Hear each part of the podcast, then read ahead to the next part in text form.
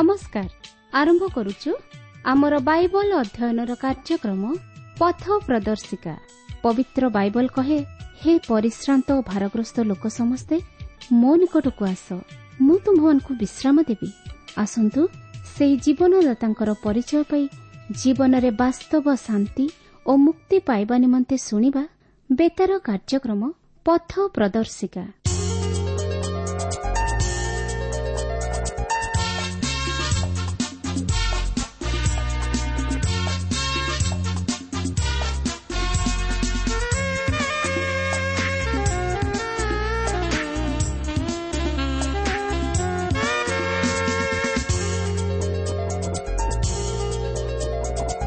ଆସିବେ ଦିନେ ରାଜାଙ୍କ ରାଜା ପ୍ରସ୍ତୁତ ଆମେ ରହିବା।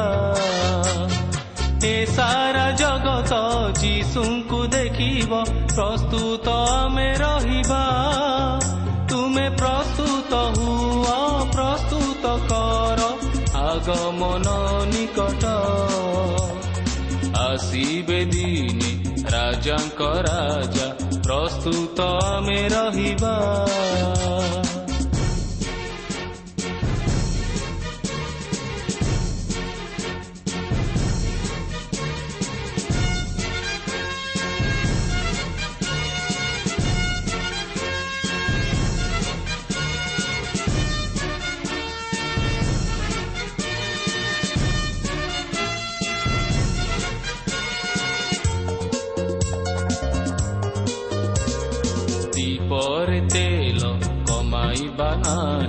ପ୍ରସ୍ତୁତ ଆମେ ରହିବା। ଦୀପରେ ତେଲ କମାଇବା ନାହିଁ। ପ୍ରସ୍ତୁତ ଆମେ ରହିବା। ତୋଡ଼ାକୁ ମାଟିରେ ପୋତିବା ନାହିଁ। ପ୍ରସ୍ତୁତ ଆମେ ରହିବା। ତୁମେ ପ୍ରସ୍ତୁତ ହୁଅ ପ୍ରସ୍ତୁତ କର। ଆଗମନ ନିକଟ। ଆସିବେ ଦିନେ ରାଜାଙ୍କ ରାଜା ପ୍ରସ୍ତୁତ ଆମେ ରହିବା। ପ୍ରିୟ ଶ୍ରୋତା ବନ୍ଧୁ ଆଜିର ଏହି ଶୁଭ ଅବସରରେ ଆମମାନଙ୍କର ଉଦ୍ଧାରକର୍ତ୍ତା ପରିତାଣକର୍ତ୍ତା ପ୍ରଭୁ ଯୀଶୁଖ୍ରୀଷ୍ଟଙ୍କ ବହୁମୂଲ୍ୟ ନାମରେ ଶୁଭେଚ୍ଛା ଜଣାଏ ଆଜିର ଏହି ପଥ ପ୍ରଦର୍ଶିକା କାର୍ଯ୍ୟକ୍ରମରେ ଅଂଶୀବା ନିମନ୍ତେ ସ୍ୱାଗତ କରେ। ଆପଣଙ୍କର ସହଯୋଗ ତଥା ମତାମତ ନିମନ୍ତେ ବିଶେଷ ଧନ୍ୟବାଦ। ଆପଣଙ୍କର ପ୍ରାର୍ଥନାର ଅନୁରୋଧ ରକ୍ଷା କରି ଆମେ ଆପଣଙ୍କ ନିମନ୍ତେ ପ୍ରାର୍ଥନା କରୁଅଛୁ। ଆଉ ସେ ପ୍ରଭୁ ଯୀଶୁ ନିଶ୍ଚିତ ଭାବରେ ଆପଣଙ୍କର ସମସ୍ୟା ସମାଧାନ କରିବେ। ଆସନ୍ତୁ ପ୍ରଭୁଙ୍କର ବାକ୍ୟ ମଧ୍ୟକୁ ଯିବା ପୂର୍ବରୁ ସଂକ୍ଷେପରେ ପ୍ରାର୍ଥନା କରିବା। ପ୍ରିୟ ପବିତ୍ର ପ୍ରଭୁ ଧନ୍ୟବାଦ କରୁଅଛୁ ତୁମର ଜୀବନ୍ତ ବାକ୍ୟ ପାଇଁ। ପ୍ରଭୁ ସେହି ବାକ୍ୟ ମଧ୍ୟ ଦେଇ ତୁମେ ଆଜି ଆମମାନଙ୍କ ସହିତ କଥା କୁହ। ତୁମର ପବିତ୍ର ଉପସ୍ଥିତି ଆମମାନଙ୍କୁ ଉପଲବ୍ଧି କରିବା ପାଇଁ ଦିଅ। ପ୍ରତ୍ୟେକ ଶ୍ରୋତାବନ୍ଧୁମାନଙ୍କୁ ପ୍ରଭୁ ତୁମର ଆଶୀର୍ବାଦ ତୁମର ଅନୁଗ୍ରହରେ ପରିପୂର୍ଣ୍ଣ କର। ଏହି ସମସ୍ତ ପ୍ରାର୍ଥନା ପ୍ରିୟ ପ୍ରଭୁ ଯୀଶୁଙ୍କ ନାମରେ ମାଗୁଅଛୁ।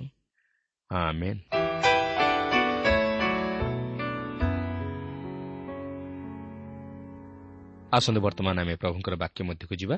ଆଜି ଆମେ ଦ୍ୱିତୀୟ ସାମିଏଲ ପୁସ୍ତକର ତେର ଓ ଚଉଦ ପର୍ବ ଦୁଇଟିକୁ ଅଧ୍ୟୟନ କରି ଆଲୋଚନା କରିବା ନିମନ୍ତେ ଯିବା। ତେବେ ଗତ ଆଲୋଚନାରେ ଆମେ ଦେଖିଥିଲୁ ଯେ ଦାଉଦ ଉରିଓକୁ ବଧ କରି ତାହାର ଭାର୍ଯ୍ୟା ବତ୍ସେବାକୁ ଆଣି ନିଜର ଭାର୍ଯ୍ୟା କରି ରଖିଲେ ଓ ଏହାଦ୍ୱାରା ସେ ଈଶ୍ୱରଙ୍କ ବିରୁଦ୍ଧରେ ପାପ କଲେ ଯାହାଫଳରେ ସେ ଈଶ୍ୱରଙ୍କ ଦ୍ୱାରା ବିଚାରିତ ହେଲେ। ଯଦିବା ସେ ନିଜର ପାପ ନିମନ୍ତେ ଅନୁତାପ କରି ତାହା ସ୍ୱୀକାର କଲେ ମାତ୍ର ସେହି ପାପର ପ୍ରତିଫଳ ତାହାଙ୍କୁ ଭୋଗ କରିବାକୁ ପଡ଼ିଲା।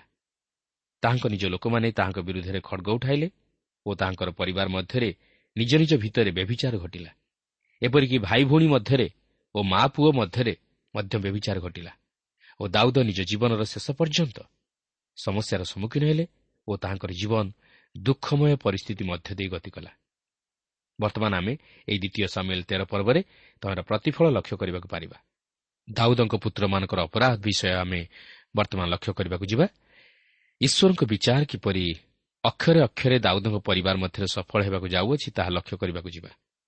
କାରଣ ମନୁଷ୍ୟ ଯାହା ବୁଣେ ତାହା ହିଁ କାଟିବ। ସେଥିପାଇଁ ଗାଲାତୀୟ ଛଅ ପର୍ବର ସାତ ପଦରେ ଏହିପରି ଲେଖା ଅଛି ଭ୍ରାନ୍ତ ନ ହୁଅ ଈଶ୍ୱର ବିଦ୍ରୁପର ପାତ୍ର ନୁହନ୍ତି କାରଣ ମନୁଷ୍ୟ ଯାହା ବୁଣେ ତାହା ହିଁ କାଟିବ। ଆମେ ପାପ କରି କେବେ ହେଲେ ଈଶ୍ୱରଙ୍କଠାରୁ ପାର ପାଇଯିବା ନାହିଁ।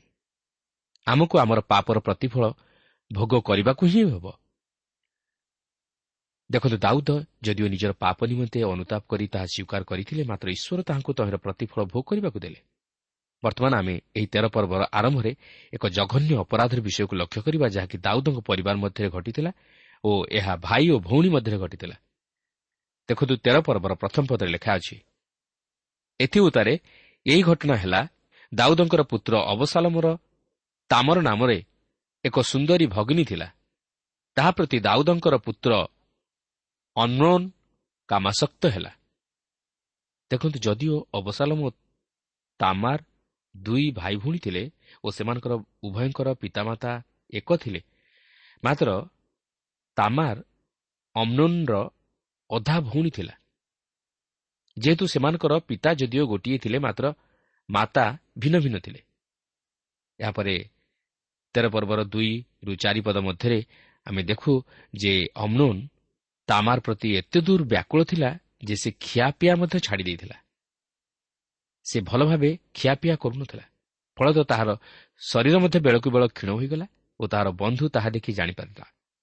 କିନ୍ତୁ ଅମ୍ନୋନ୍ ଅବସାଲମର ଭଉଣୀ ତାମାରକୁ ଭଲ ପାଉଥିବାରୁ ସେ ମଧ୍ୟ ଅବସାଲମକୁ ଭୟ କରୁଥିଲା ତେଣୁକରି ସେ ତାମାରକୁ କିଛି କହିପାରୁନଥିଲା। ମାତ୍ର ସେହି ଚିନ୍ତାରେ ଅମ୍ନୋନ୍ ମଧ୍ୟ ପୀଡ଼ିତ ହୋଇଗଲା। ଏହାପରେ ପାଞ୍ଚ ପଦରୁ ସାତ ପଦ ମଧ୍ୟରେ ଆମେ ଦେଖୁ ଜୋନାଦବର ଯୋଜନା ଯିଏକି ଅମ୍ନୋନ୍ର ବନ୍ଧୁ ଥିଲା ଓ ଅମ୍ନୋନ୍ ମଧ୍ୟ ତାହାର ବନ୍ଧୁର କୁମନ୍ତ୍ରଣା ଅନୁଯାୟୀ ସେହିପରି କଲା। ତେର ପର୍ବର ଆଠ ପଦରୁ ଚଉଦ ପଦରେ ଆମେ ଦେଖୁ ଯେ ଅମ୍ନୋନ୍ ତାହାର ଭଉଣୀ ସହିତ ବ୍ୟଭିଚାର କରି ତାହାକୁ ଭ୍ରଷ୍ଟା କଲା। ତେବେ ମୁଁ ସେହି ବିଷୟକୁ ଅଧ୍ୟୟନ କରିବାକୁ ଚାହେଁ ନାହିଁ କାରଣ ତାହା ଅତି ଜଘନ୍ୟ କାର୍ଯ୍ୟ ଥିଲା ଓ ତାହା ମଧ୍ୟ ଦାଉଦଙ୍କ ନିଜ ପରିବାର ମଧ୍ୟରେ ଘଟିଲା। କିନ୍ତୁ ଆଉ ଏକ ଦୁଃଖର ବିଷୟ ହେଉଛି ଯେ ଅମ୍ନୋନ୍ ସିନା ତାମାରକୁ ଭ୍ରଷ୍ଟା କଲା ମାତ୍ର ଏହା କରିବା ପରେ ମଧ୍ୟ ସେ ତାମାରକୁ ଘୃଣା କଲା ଅର୍ଥାତ୍ ତାହାକୁ ଭାର୍ଯ୍ୟା ରୂପେ ଗ୍ରହଣ କରିବାକୁ ଇଚ୍ଛା କଲା ନାହିଁ।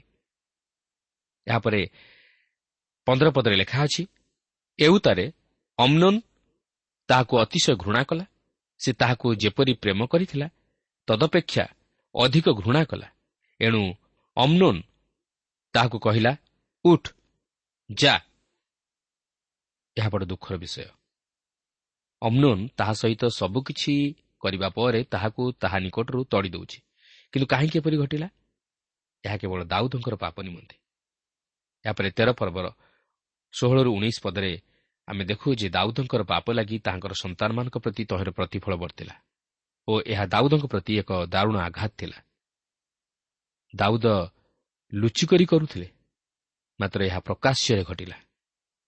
ତାମାରକୁ ଘରୁ ବାହାର କରିଦିଆଗଲା ଓ ବର୍ତ୍ତମାନ ସେ ମସ୍ତକରେ ଭସ୍ମ ଦେଇ ଓ ଆପଣା ମସ୍ତକରେ ହସ୍ତ ଦେଇ କ୍ରନ୍ଦନ କରୁ କରୁ ଚାଲିଗଲା ଯେହେତୁ ସେ ଅମ୍ନନ୍ ଦ୍ୱାରା ଭ୍ରଷ୍ଟା ଓ ଅପମାନିତ ହେଲା। ଏହାପରେ ତେର ପର୍ବର କୋଡ଼ିଏରୁ ଏକୋଇଶ ପଦରେ ଦେଖନ୍ତୁ ଯାହା ଘଟିଲା ଦାଉଦ ଏଥିନିମନ୍ତେ କ୍ରୋଧାନ୍ୱିତ ହେବା ବ୍ୟତୀତ ଆଉ କିଛି କରିବାର ଉପାୟ ନଥିଲା। ଏହିପରି ଘଟିବ ବୋଲି ଈଶ୍ୱର ପୂର୍ବରୁ ମଧ୍ୟ ନାଥନ ଭବିଷ୍ୟତ ବକ୍ତାଙ୍କ ଦ୍ୱାରା ତାହାଙ୍କୁ ଜଣାଇ ଦେଇଥିଲେ।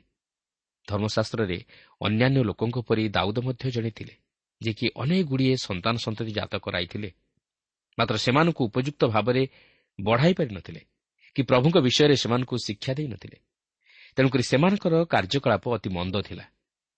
ତାହା ହିଁ ବାରମ୍ବାର ଘଟିଲା। ସେ ନିଜେ ନିଜ ପିଲାମାନଙ୍କ ନିକଟରେ ଆଦର୍ଶ ହୋଇପାରିଲେ ନାହିଁ। ତାଙ୍କର ପିଲାମାନେ ମଧ୍ୟ ତାଙ୍କର ଦୋଷ ଦୁର୍ବଳତାକୁ ଜାଣିଲେ। ଅମ୍ନୁନ୍ ତାହାର ଭଉଣୀ ପ୍ରତି ଯାହା କଲା ତହିଁ ନିମନ୍ତେ ସେ ଅତ୍ୟନ୍ତ କ୍ରୁଦ୍ଧ ହେଲେ। ମାତ୍ର ସେ ନିଜେ ନିଜର ପିଲାମାନଙ୍କ ନିକଟରେ କେଉଁପରି ଆଦର୍ଶ ଦେଖାଇଦେଲେ? ସେ ନିଜେ ଯାହା ବୁଣିଥିଲେ ତାହା ହିଁ କାଟିଲେ। କିନ୍ତୁ ଆମେ କେବଳ ସେମାନଙ୍କ ପ୍ରତି ଅଙ୍ଗୁଳି ଦେଖାଇବା ଉଚିତ ନୁହେଁ ମାତ୍ର ଆମେ ନିଜର ଜୀବନକୁ ମଧ୍ୟ ଲକ୍ଷ୍ୟ କରିବା ଉଚିତ ନିଜର ପାରିବାରିକ ଜୀବନକୁ ମଧ୍ୟ ଲକ୍ଷ୍ୟ କରିବା ଉଚିତ।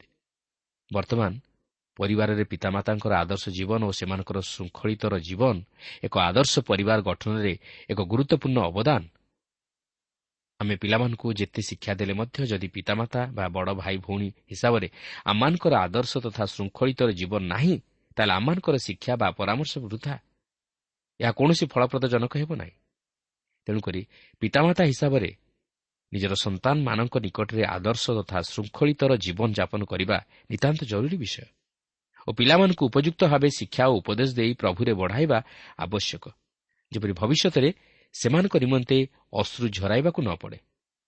ତେବେ ବର୍ତ୍ତମାନ ଏଠାରେ ଲକ୍ଷ୍ୟ କରିବାର ବିଷୟ ହେଉଛି ଦାଉଦ ଅମ୍ନୁନ୍ର ସମସ୍ତ କାର୍ଯ୍ୟକଳାପ ଜାଣିଲେ ମଧ୍ୟ କିଛି କରିପାରୁନାହାନ୍ତି। ତେଣୁ ବର୍ତ୍ତମାନ କ'ଣ ଘଟିବା ପାଇଁ ଯାଉଅଛି ତାହା ଲକ୍ଷ୍ୟ କରନ୍ତୁ।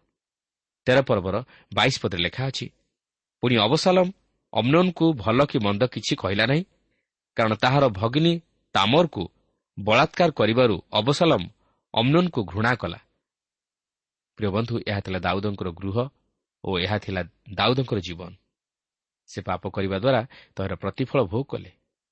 ଅବସଲମ ମଧ୍ୟ ସେହି ସମୟକୁ ଅପେକ୍ଷା କରିଥିଲା ଯେଉଁ ସମୟରେ କି ସେ ଅମ୍ନୋନ୍ଠାରୁ ତହିଁର ପ୍ରତିଶୋଧ ନେବ ଓ ସେହିଦିନ ମଧ୍ୟ ଆସି ପହଞ୍ଚିଗଲା।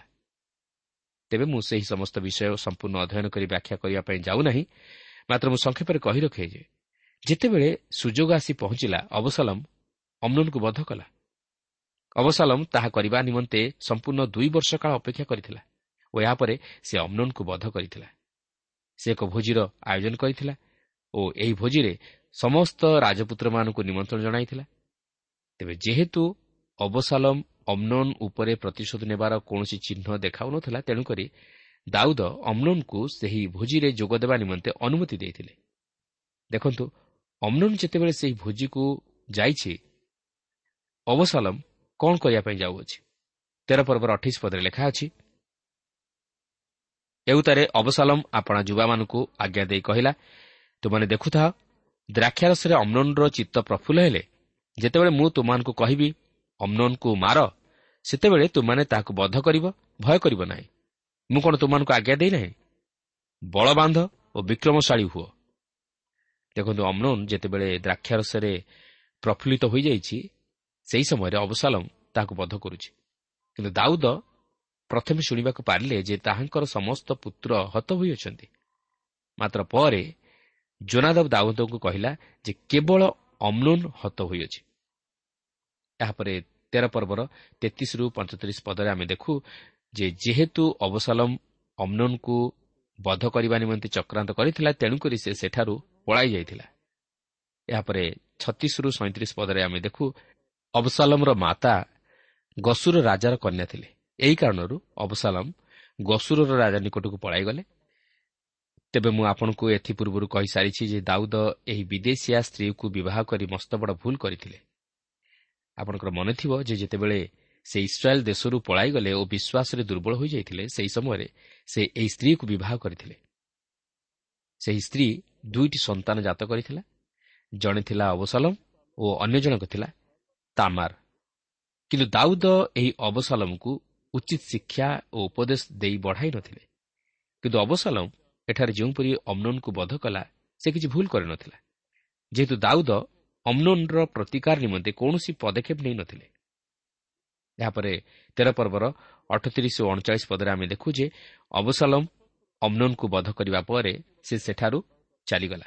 କିନ୍ତୁ ଦାଉଦ ତାହାଙ୍କୁ ଫେରାଇ ଆଣିବାକୁ ଚାହିଁଥିଲେ ମାତ୍ର ସେ ଫେରିଆସିଲା ନାହିଁ। ଦାଉଦ ତାହା ନିମନ୍ତେ ଶୋକ କଲେ ଓ ତାହାର ଆଗମନକୁ ଅପେକ୍ଷା କରି ରହିଲେ। କାରଣ ଅବସାଲମ ଦାଉଦଙ୍କର ସମସ୍ତ ପୁତ୍ରମାନଙ୍କ ମଧ୍ୟରେ ଦାଉଦଙ୍କ ପ୍ରତି ଅତି ପ୍ରିୟ ଥିଲା। ହୋଇପାରେ ଦାଉଦ ମଧ୍ୟ ତାହାଙ୍କ ପରେ ଅବସାଲମକୁ ଇସ୍ରାଏଲ୍ ଉପରେ ରାଜା କରିବାକୁ ଚାହୁଁଥିଲେ ଓ ଅବସାଲମ ମଧ୍ୟ ତାହା ଚାହୁଁଥିଲେ। ବୋଲି ଆମେ ପରେ ଦେଖିବାକୁ ପାରିବା। ମାତ୍ର ଆମକୁ ଏହି ସମସ୍ତ ଘଟଣା ମଧ୍ୟ ଦେଇ ଏହି ଶିକ୍ଷା ମିଳେ ଯେ ଆମେ ଯାହା ବୁଣୁ ତାହା ହିଁ କାଟୁ। ଈଶ୍ୱର ଯଦିଓ ପାପିକୁ ପ୍ରେମ କରନ୍ତି ମାତ୍ର ସେ ପାପକୁ ଘୃଣା କରନ୍ତି। ସେ ଯଦିଓ ପାପିକୁ ପାପରୁ ଉଦ୍ଧାର କରନ୍ତି ମାତ୍ର ତହିଁର ପ୍ରତିଫଳ ଭୋଗ କରିବାକୁ ଦିଅନ୍ତି। ପାପ କେବଳ ଆମର ବ୍ୟକ୍ତିଗତ ଜୀବନକୁ ନଷ୍ଟ କରେ ନାହିଁ ମାତ୍ର ଏହା ଅନ୍ୟର ଜୀବନକୁ ମଧ୍ୟ ନଷ୍ଟ କରେ ଓ ଏହାର ପ୍ରଭାବ ପରିବାର ପ୍ରତି ସମାଜ ପ୍ରତି ତଥା ଦେଶ ପ୍ରତି ମଧ୍ୟ ପଡ଼େ। ତେଣୁ ପାପରୁ ପୃଥକୀକୃତ ଜୀବନଯାପନ କରିବା ନିମନ୍ତେ ଚେଷ୍ଟା କରୁ। ବର୍ତ୍ତମାନ ଆମେ ଏହି ଦ୍ୱିତୀୟ ସାମୁଏଲ୍ର ଚଉଦ ପର୍ବ ମଧ୍ୟକୁ ଯିବା। ଏହି ଚଉଦ ପର୍ବରେ ଅବସାଲମଙ୍କର ପ୍ରତ୍ୟାବର୍ତ୍ତନ ବିଷୟ ନେଇ ଲକ୍ଷ୍ୟ କରିବାକୁ ଯିବା। କାରଣ ଦାଉଦ ଅବସାଲମକୁ ସେହି ସ୍ଥାନରୁ ଜିରୁସାଲାମକୁ ଅଣାଇଲେ କିନ୍ତୁ ସେ ଅମ୍ନୋନ୍କୁ ବଧ କରିଥିବାରୁ ଦାଉଦ ତାହା ମୁଖକୁ ଚାହିଁନଥିଲେ। କିନ୍ତୁ ପରେ ଦାଉଦ ଓ ଅବସାଲମ ପରସ୍ପର ମିଳିତ ହୋଇଥିଲେ। ଓ ଦାଉଦ ଅବସାଲମକୁ ଚୁମ୍ବନ କରିଥିଲେ। ଦେଖନ୍ତୁ ଚଉଦ ପର୍ବର ପ୍ରଥମ ତିନି ପଦରେ ଏହିପରି ଲେଖା ଅଛି ଅନନ୍ତର ସରୁୟାର ପୁତ୍ର ଜୟାବ ଦେଖିଲା ଯେ ରାଜାଙ୍କର ଅନ୍ତଃକରଣ ଅବସାଲମ ଆଡ଼େ ଅଛି। ଏଣୁ ଜୟାବ ତକୟକୁ ଲୋକ ପଠାଇ ସେଠାରୁ ଏକ ଜ୍ଞାନବତୀ ସ୍ତ୍ରୀ କି ଅଣାଇ ତାହାକୁ କହିଲା ଆଗୋ ବିନୟ କରୁଅଛି ତୁମ୍ଭେ ଶୋକକାଳିନୀର ବେଶଧର ଓ ଶୋକସୂଚକ ବସ୍ତ୍ର ପିନ୍ଧ। ତୁମ୍ଭେ ତେଲ ଲଗାଅ ନାହିଁ ମାତ୍ର ମୃତ ଲୋକ ପାଇଁ ବହୁ କାଳରୁ ଶୋକକାରିଣୀ ସ୍ତ୍ରୀ ପରି ହୁଅ ପୁଣି ରାଜାଙ୍କ ନିକଟକୁ ଯାଇ ଏହି ପ୍ରକାରେ ତାଙ୍କୁ କୁହ। ଏଉତାରେ ଜୟାବ ବକ୍ତବ୍ୟ କଥା ତାହାକୁ ଶିଖାଇଲା। ଦେଖନ୍ତୁ ଜୟାବ ତକ୍ୱୟର ନିକଟବର୍ତ୍ତୀ ଅଞ୍ଚଳରେ ବଢ଼ିଥିଲା ଓ ସେ ଏହି ସ୍ତ୍ରୀ ଲୋକକୁ ବୋଧହୁଏ ବହୁ ଆଗରୁ ଜାଣିଥିଲା। ତେଣୁକରି ସେ ଏହି ସ୍ତ୍ରୀ ଲୋକ ମାଧ୍ୟମରେ ଏକ ଚକ୍ରାନ୍ତ କରି ଅବସାଲମକୁ ଜିରୁସାଲମକୁ ଅଣାଇବା ନିମନ୍ତେ ଏକ ଯୋଜନା ପ୍ରସ୍ତୁତ କରିଥିଲା। ଯେପରି ରାଜା ଅବସାଲମକୁ ଜିରୁସାଲମକୁ ଆସିବା ନିମନ୍ତେ ଅନୁମତି ପ୍ରଦାନ କରିବେ। ଏହାପରେ ଚଉଦ ପର୍ବର ଚାରିପଦରୁ ସାତ ପଦ ମଧ୍ୟରେ ଆମେ ଦେଖୁ ଯେ ପ୍ରକୃତରେ ଜୟାବ ଦାଉଦଙ୍କର ମନୋଭାବ ଜାଣି ଏହିପରି ସେହି ସ୍ତ୍ରୀକୁ ଦାଉଦଙ୍କ ନିକଟରେ ଏକ ମିଛ ଅଭିନୟ କରିବାକୁ ଶିଖାଇଲା ଯେପରି ସେହି ସ୍ତ୍ରୀ ଏକ ଦୁଃଖର କାହାଣୀ ମାଧ୍ୟମରେ ମିଛ ଅଭିନୟ କରି ଦାଉଦଙ୍କୁ ପ୍ରତାରଣା କରି ଦାଉଦଙ୍କ ମନକୁ ଅବସଲାମ ଆଡ଼କୁ ଭୁଲାଇପାରେ ଓ ଦାଉଦ ଯେପରି ସେହି ଦୁଃଖର କାହାଣୀ ଶୁଣି ନିଜର ପୁତ୍ର ପ୍ରତି ମନ ଦେବାକୁ ପାରନ୍ତି ଓ ତାହାକୁ ଜିରୁସାଲାମକୁ ଡକାଇ ପଠାନ୍ତି। ତେବେ ଦେଖନ୍ତୁ ଦାଉଦ ସେହି ସ୍ତ୍ରୀର ସେହି କଳ୍ପିତ କାହାଣୀର ପୁତ୍ର ପ୍ରତି ସମ୍ପୂର୍ଣ୍ଣ କ୍ଷମା ପ୍ରଦର୍ଶନ କରନ୍ତି ଓ ତାହାକୁ ସୁରକ୍ଷା ମଧ୍ୟ ପ୍ରଦାନ କରନ୍ତି। ତେବେ ରାଜାଙ୍କ ମୁଖରୁ ସେହି ସ୍ତ୍ରୀ ଏହି କଥା ଶୁଣିବା ପରେ ସେ ରାଜାଙ୍କୁ ତାହାଙ୍କ ପୁତ୍ର ଅବସାଲମ ବିଷୟ ନେଇ ସ୍ମରଣ କରାଇ ଦିଅନ୍ତି ଓ ରାଜାଙ୍କୁ ମଧ୍ୟ ତାହା ପାଳନ କରିବା ନିମନ୍ତେ ଓ ଅବସାଲମକୁ ଫେରାଇ ଆଣିବା ନିମନ୍ତେ ଉପଦେଶ ଦିଅନ୍ତି। ଏହାପରେ ଚଉଦ ପର୍ବର ବାର ଓ ତେର ପଦରେ ଆମେ ଦେଖୁ ଯେ ସେହି ବିଧବା ଦାଉଦଙ୍କୁ ତାହାର ସେହି କଳ୍ପିତ କାହାଣୀର ତାଡ଼ନାକାରୀର ସ୍ଥାନରେ ରଖୁଅଛି। ତାହାର ସେହି କାଳ୍ପନିକ ତାଡ଼ନାକାରୀ ତାହାର ଅବଶିଷ୍ଟ ପୁତ୍ରମାନଙ୍କ ପ୍ରତି ଯେଉଁପରି ତାଡ଼ନା କରୁଥିଲା ଦାଉଦ ମଧ୍ୟ ଯେ ସେହିପରି ଅବସାଲମକୁ ତାହାର ଅପରାଧ ନିମନ୍ତେ ଶାସ୍ତି ଦେବା ଦ୍ୱାରା ଈଶ୍ୱରଙ୍କ ଲୋକମାନଙ୍କ ପ୍ରତି ସେହିପରି ତାଡ଼ନା ଘଟାଉଛନ୍ତି ତାହା ସେ ସେହି କାଳ୍ପନିକ କାହାଣୀ ମାଧ୍ୟମରେ ଦାଉଦଙ୍କୁ ଜଣାଇ ଦେବାକୁ ଚାହିଁଥିଲା। ସେ ଇସ୍ରାଏଲ୍ ଲୋକମାନଙ୍କୁ ସେହି କାଳ୍ପନିକ ବିଧବା ମା ସଦୃଶ ଉପସ୍ଥାପିତ କରୁଅଛି। ସେ ସେହି କାଳ୍ପନିକ କାହାଣୀ ମାଧ୍ୟମରେ ଇସ୍ରାଏଲ୍ ଲୋକମାନଙ୍କର ଭାବକୁ ପ୍ରକାଶ କରୁଅଛି। ଅବସାଲମ୍ ଇସ୍ରାଏଲ୍ ଲୋକମାନଙ୍କ ସହିତ ଅତି ପରିଚିତ ଥିଲେ। ସେମାନେ ସମ୍ଭବତଃ ଭାବିଥିଲେ ଯେ ଅମ୍ନୁନ୍ ଯାହା କରିଥିଲା ସେ ତହିଁର ଉଚିତ ଫଳ ପାଇଲା। ତେଣୁକରି ସେମାନେ ଏଥି ନିମନ୍ତେ ଅବସାଲମକୁ ଦୋଷୀ ବୋଲି ବିଚାର କରୁନଥିଲେ। ଦେଖନ୍ତୁ ଶେଷରେ ଫଳାଫଳ ଏହିପରି ହେଲା ଯେ ଦାଉଦ ସେହି ବିଧବା ସ୍ତ୍ରୀର କହିବା ଅନୁଯାୟୀ ଅଧାପନ୍ତରିଆ ଭାବେ ଅବସାଲମକୁ ଜିରୁସାଲମକୁ ଡକାଇ ଆଣିବା ନିମନ୍ତେ ଅନୁମତି ଦେଲେ।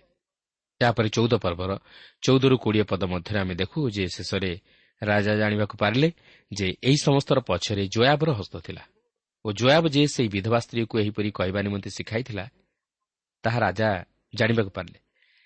ମାତ୍ର ସେ ତହି ନିମନ୍ତେ ଜୟାବକୁ କିଛି କହିଲେ ନାହିଁ।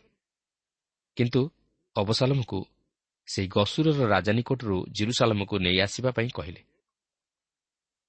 ଏହାପରେ ଚଉଦ ପର୍ବର ଏକୋଇଶରୁ ଚବିଶ ପଦରେ ଆମେ ଦେଖୁ ଯେ ଦାଉଦ ତାହାଙ୍କର ପୁତ୍ର ଅବସାଲମର ମୁଖ ଦେଖିବାକୁ ଇଚ୍ଛା କଲେ ନାହିଁ।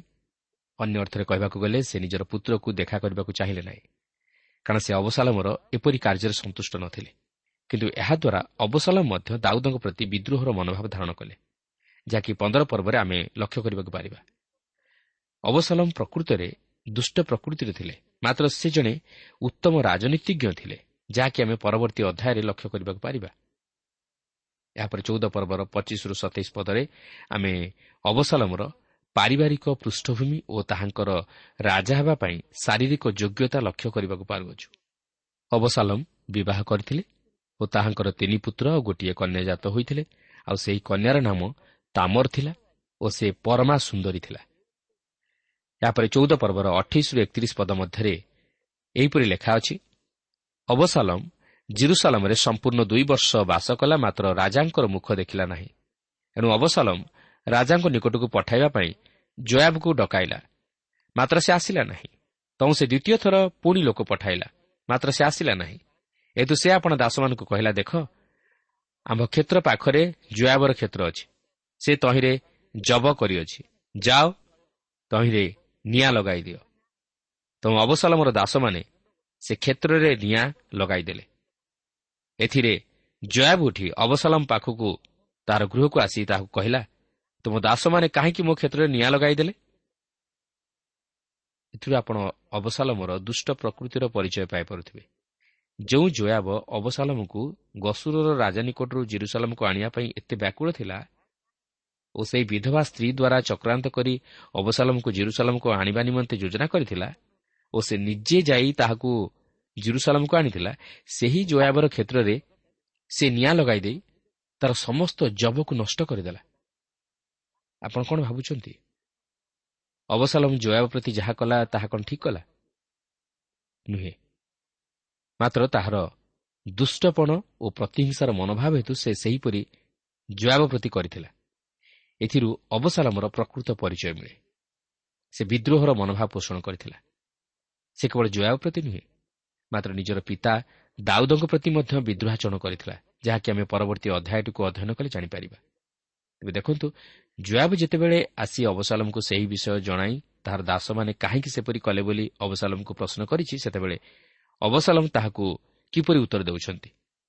ଚଉଦ ପର୍ବର ବତିଶ ଓ ତେତିଶ ପଦରେ ଲେଖା ଅଛି। ତହୁଁ ଅବସାଲମ ଜୟାବକୁ ଉତ୍ତର କଲା ଦେଖ ମୁଁ ତୁମ୍ଭ କତିକି ଲୋକ ପଠାଇ କହିଲି ତୁମ୍ଭେ ଏଠାକୁ ଆସ। ମୁଁ କାହିଁକି ଗସୁରରୁ ଆସିଲି? ଏକଥା ପଚାରିବା ପାଇଁ ମୁଁ ରାଜାଙ୍କ ନିକଟକୁ ତୁମକୁ ପଠାଇବି। ଆଜି ପର୍ଯ୍ୟନ୍ତ ସେଠାରେ ଥିଲେ ମୋର ଭଲ ହୋଇଥାନ୍ତା। ଏବେ ମୋତେ ରାଜାଙ୍କ ମୁଖ ଦେଖିବାକୁ ଦିଅ। ଯେବେ ମୋଠାରେ ଅପରାଧ ଥାଏ ତେବେ ସେ ମୋତେ ବଧ କରନ୍ତୁ।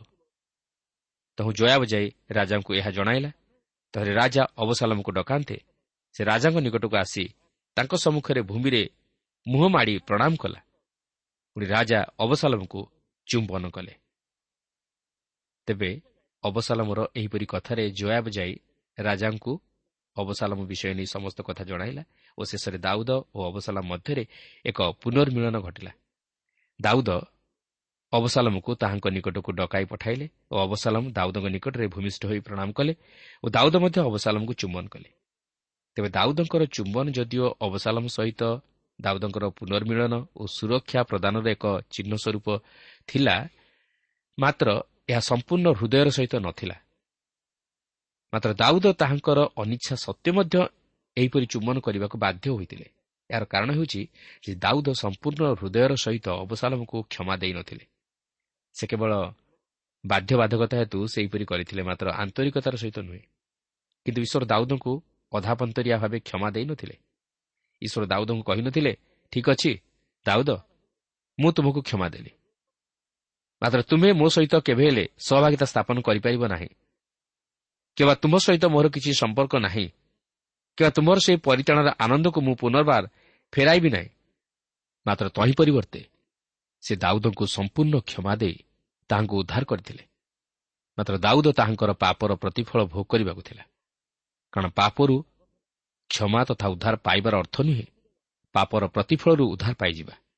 ତାହେଲେ ଈଶ୍ୱରଙ୍କ ବାକ୍ୟ ମିଥ୍ୟା ବୋଲି ପ୍ରମାଣିତ ହେବ। କାରଣ ଈଶ୍ୱରଙ୍କ ବାକ୍ୟ କହେ ଭ୍ରାନ୍ତ ନ ହୁଅ ଈଶ୍ୱର ବିଦ୍ରୁପର ପାତ୍ର ନୁହନ୍ତି କାରଣ ମନୁଷ୍ୟ ଯାହା ବୁଣେ ତାହା ହିଁ ସେ କାଟିବ। ତେବେ ଅନେକ ଭାବନ୍ତି ଯେ ମନୁଷ୍ୟ ଏହି ଜଗତରେ ଯେଉଁପରି ଦୁଃଖ ରୋଗବ୍ୟାଧି ତଥା ସମସ୍ୟା ମଧ୍ୟ ଦେଇ ଗତି କରେ ତାହା ତାହା ନିମନ୍ତେ ନରକ ଯନ୍ତ୍ରଣା। ତେଣୁ ଏହି ଜଗତ ତାହା ପାଇଁ ସ୍ୱର୍ଗ ଓ ନରକ। ମାତ୍ର ସ୍ୱର୍ଗ ବା ନରକ ବୋଲି ସେପରି କିଛି ସ୍ଥାନ ନାହିଁ ବା ସେପରି ବିଚାର ମଧ୍ୟ କିଛି ନାହିଁ। କିନ୍ତୁ ପ୍ରିୟ ବନ୍ଧୁ ଏଠାରେ ଆମେ ତହିଁର ଉତ୍ତର ପାଉଅଛୁ। ଆମେ ନିଜର ପାପ ନିମନ୍ତେ ଏହି ଜଗତରେ ଯେଉଁ ଦୁଃଖ କଷ୍ଟ ତଥା ଯନ୍ତ୍ରଣା ମଧ୍ୟ ଦେଇ ଗତି କରୁ ତାହା ଆମମାନଙ୍କ ନିମନ୍ତେ ନରକ ଯନ୍ତ୍ରଣା ନୁହେଁ। ଆମେ ନିଜର ପାପର ପ୍ରତିଫଳ ଭୋଗ କରୁ। କିନ୍ତୁ ପାପର ପ୍ରତିଫଳ ଭୋଗ କରିବାର ଅର୍ଥ ନୁହେଁ ଆମେ ପାପରୁ ଉଦ୍ଧାର ପାଇଗଲୁ। ପାପରୁ ଉଦ୍ଧାର ପାଇବା ଓ ପାପର ପ୍ରତିଫଳ ଭୋଗ କରିବା ଏହା ମଧ୍ୟରେ ଯଥେଷ୍ଟ ଭିନ୍ନତା ରହିଅଛି। ମନୁଷ୍ୟ ନିଜର ପାପ ହେତୁ ମୃତ୍ୟୁ ଭୋଗ କରେ। ମାତ୍ର ସେ ଯଦି ସେହି ପାପ ନିମନ୍ତେ ଅନୁତାପ କରି ତାହା ପ୍ରଭୁ ଶ୍ରୀଖ୍ରୀଷ୍ଟଙ୍କଠାରେ ସ୍ୱୀକାର କରେ ତାହେଲେ ସେ ସେହି ପାପରୁ ଉଦ୍ଧାର ପାଇବା ଦ୍ୱାରା ଅନନ୍ତ ଜୀବନର ଅଧିକାରୀ ହୁଏ। ସେ ଈଶ୍ୱରଙ୍କର ସେହି ବିଚାରରୁ ଉଦ୍ଧାର ପାଇ ଅନନ୍ତ ନରକରେ ନିକ୍ଷିପ୍ତ ନ ହୋଇ ଅନନ୍ତ ଜୀବନରେ ପ୍ରବେଶ କରେ ଓ ସେହି ସ୍ୱର୍ଗ ରାଜ୍ୟର ଅଧିକାରୀ ହୁଏ। ତେଣୁକରି ରୋମିଓ ଛଅ ପର୍ବର ତେଇଶ ପଦରେ ଏହିପରି ଲେଖା ଅଛି କାରଣ ପାପର ବେତନ ମୃତ୍ୟୁ। କିନ୍ତୁ ଈଶ୍ୱରଙ୍କ ଅନୁଗ୍ରହ ଦାନ ଆମ୍ଭମାନଙ୍କ ପ୍ରଭୁ ଖ୍ରୀଷ୍ଟ ଯୀଶୁଙ୍କ ସହଭାଗିତାରେ ଅନନ୍ତ ଜୀବନ ଅଟେ। ତେଣୁ ପ୍ରିୟ ବନ୍ଧୁ ଯଦିବା ଏହି ଜଗତରେ ଆମେ ନିଜର ପାପର ପ୍ରତିଫଳ ଭୋଗ କରୁ ମାତ୍ର ସେହି ପାପ ନିମନ୍ତେ ଅନୁତାପ କରି ପ୍ରଭୁ ଯୀଶୁଖ୍ରୀଷ୍ଟଙ୍କଠାରେ ତାହା ସ୍ୱୀକାର କରିବା ଦ୍ୱାରା ଆମେ ପାପରୁ ଉଦ୍ଧାର ପାଇଥାଉ ଓ ସେହି ଅନନ୍ତ ମୃତ୍ୟୁରୁ ବା ସେହି ଅନନ୍ତ ନରକରୁ ନିଜର ଜୀବନକୁ ରକ୍ଷା କରିଥାଉ। ଯେହେତୁ ସେହି ପ୍ରଭୁ ଶ୍ରୀଖ୍ରୀଷ୍ଟ ଆମମାନଙ୍କର ପାପର ଋଣକୁ ତାହାଙ୍କର ସେହି ପବିତ୍ର ରକ୍ତ ମୂଲ୍ୟ ସ୍ୱରୂପ ଦେଇ ଆମମାନଙ୍କୁ ପାପରୁ ମୁକ୍ତ କରିଅଛନ୍ତି। ମନୁଷ୍ୟର ପାପ ନିମନ୍ତେ କୌଣସି ପଶୁର ରକ୍ତ ପ୍ରାୟଶ୍ଚିତ ସାଧନ କରିପାରେ ନାହିଁ। ମାତ୍ର ମନୁଷ୍ୟର ରକ୍ତ ହିଁ ପ୍ରାୟଶ୍ଚିତ ସାଧନ କରିପାରେ। କିନ୍ତୁ ତାହା ଆପଣଙ୍କର ବା ମୋର ରକ୍ତ ସାଧନ କରିନପାରେ ଯେହେତୁ ଆମମାନେ ପାପି ମନୁଷ୍ୟ। ମାତ୍ର ପ୍ରଭୁ ଯୀଶୁଖ୍ରୀଷ୍ଟଙ୍କ ରକ୍ତ ତାହା ସାଧନ କରେ ଯେହେତୁ ସେ ନିଷ୍ପାପ ଓ ନିଷ୍କଳଙ୍କ ଥିଲେ ଓ ସେ ସମଗ୍ର ମାନବ ଜାତିର ଉଦ୍ଧାର ନିମନ୍ତେ ତାହାଙ୍କର ସେହି ପବିତ୍ର ରକ୍ତ ଦାନ କଲେ। ଓ ସେ ତାହା ସାଧନ କରିବା ନିମନ୍ତେ ମାନବ ରୂପରେ ଏହି ଧରାଧାମକୁ ଅବତରଣ କରି ତାହା ସାଧନ କଲେ। ଆଉ ତାହା ହିଁ ଥିଲା ଈଶ୍ୱରଙ୍କର ପୂର୍ବ ନିରୂପିତ ଯୋଜନା। ଯେପରି ତାହାଙ୍କର ଲୋକମାନେ ପାପରୁ ଉଦ୍ଧାର ପାଇ ଅନନ୍ତ ଜୀବନର ଅଧିକାରୀ ହୁଅନ୍ତି। ସେଥିପାଇଁ ଜୋହନ ତିନି ପର୍ବର ଷୋହଳ ପଦରେ ଲେଖା ଅଛି କାରଣ ଈଶ୍ୱର ଜଗତକୁ ଏଡ଼େ ପ୍ରେମ କଲେ ଯେ ସେ ଆପଣାର ଅଦ୍ୱିତୀୟ ପୁତ୍ରଙ୍କୁ ଦାନ କଲେ।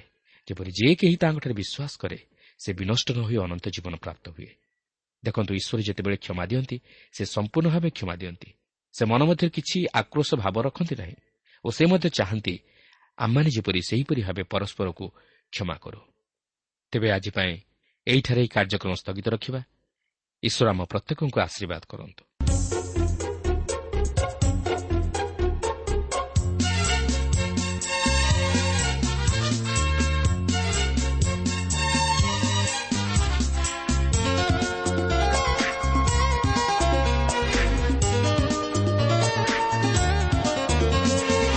ଆଗେ ଯେ ଅଛି ପଛେଇ ଯିବ ପ୍ରସ୍ତୁତ ଆମେ ରହିବା ଆଗେ ଯେ ଅଛି ପଛେଇ ଯିବ ପ୍ରସ୍ତୁତ ଆମେ ରହିବା ଶେଷ ପର୍ଯ୍ୟନ୍ତ ଧରିଲେ ଧୈର୍ଯ୍ୟ ଉଦ୍ଧାର ପାଇବା ତୁମେ ପ୍ରସ୍ତୁତ ହୁଅ ପ୍ରସ୍ତୁତ କର আগমন নিকট ଆସିବେ ଦିନେ ରାଜାଙ୍କ ରାଜା ପ୍ରସ୍ତୁତ ଆମେ ରହିବା।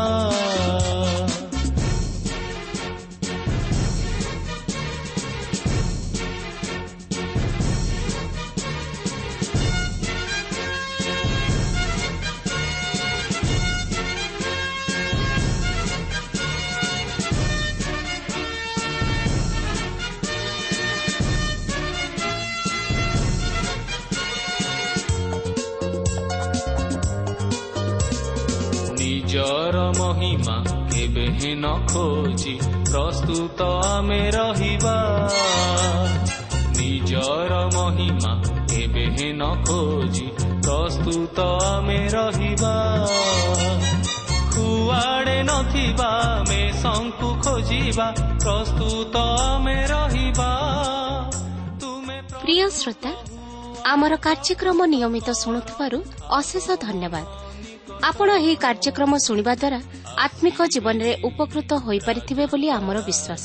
ପ୍ରଭୁ ଯୀଶୁଙ୍କ ବିଷୟରେ ଅଧିକ ଜାଣିବାର ଆଗ୍ରହ ଥିଲେ ଅଥବା ଉପାଦେୟ ପୁସ୍ତକର ଆବଶ୍ୟକ ଥିଲେ ଆମ ସହ ଯୋଗାଯୋଗ କରନ୍ତୁ।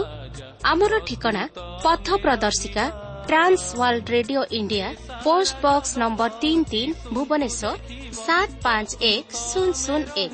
Mobile number nine seven double seven double two one four one five ଠିକଣାଟି ଆଉଥରେ ଶୁଣନ୍ତୁ। ପଥ ପ୍ରଦର୍ଶିକା Trans World Radio India post box number three three Bhubaneswar seven five one zero zero one mobile number nine seven double seven double two one four one five ଆମର email ଆଡ୍ରେସଟି ଲେଖି ରଖନ୍ତୁ Odia TTV at radio eight eight two dot com ତେବେ ଆଜି ପାଇଁ ବିଦାୟ ଦିଅନ୍ତୁ। ନମସ୍କାର।